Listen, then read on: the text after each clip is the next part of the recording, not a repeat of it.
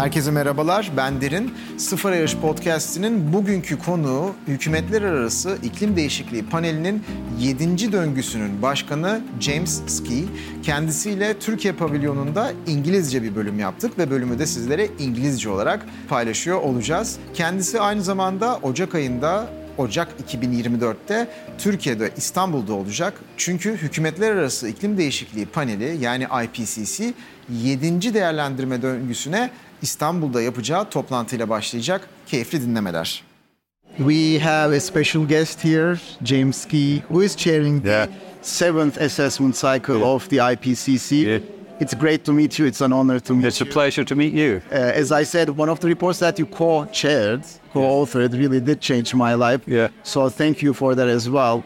Uh, I will have just a couple of very quick Yeah. questions.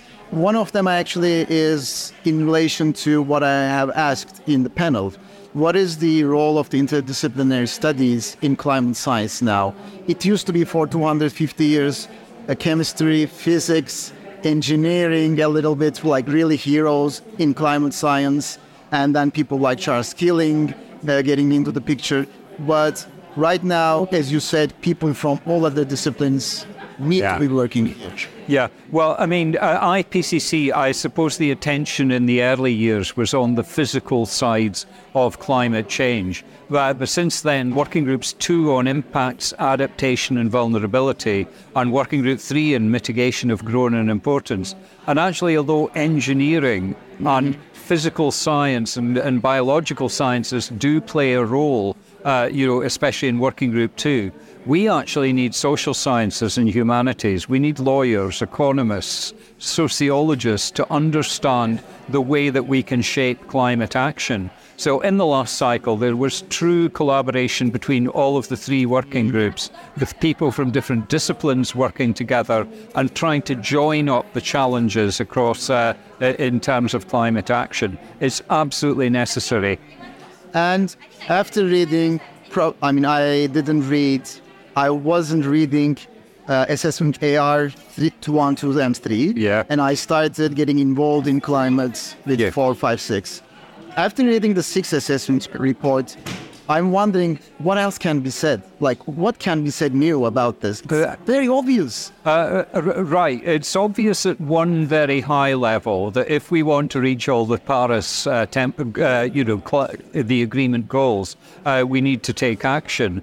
But if people are going to need to adapt in the future, there's lots of physical science needs done. We need a better understanding at a more detailed geographical level of what kind of changes might take place. We need a better understanding of extremes as well as averages in climate, because that really determines how you want to react. We really don't understand what would happen if we went above 1.5 degrees warming and started to come back again. There's lots of unknowns in there. And there's a lot of uncertainty, in particular, around carbon dioxide removal, which you would need to do if you were going to cool the Earth rather than warm it up. So believe me, science never sleeps, science never stops. Uh, we can, there are always new questions coming along to be addressed. I don't want to ask this question, but I need to because not everybody reads the reports, not even the executive summaries.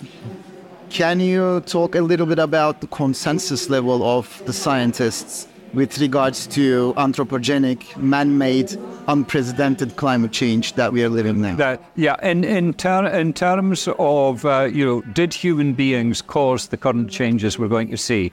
We used a single word in the last report, and it was unequivocal. We were absolutely, absolutely certain about it.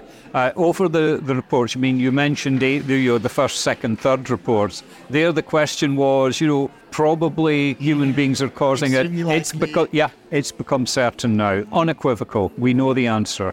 So, this is for certain. And is it heartbreaking for you sometimes that people still debate that?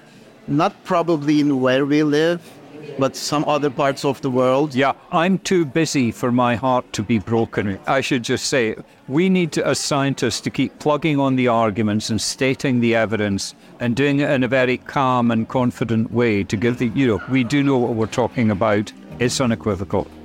Thank you so much. Yeah. I won't keep you for longer. And this was an extreme pleasure. Thank you so much. Okay, thank you very much.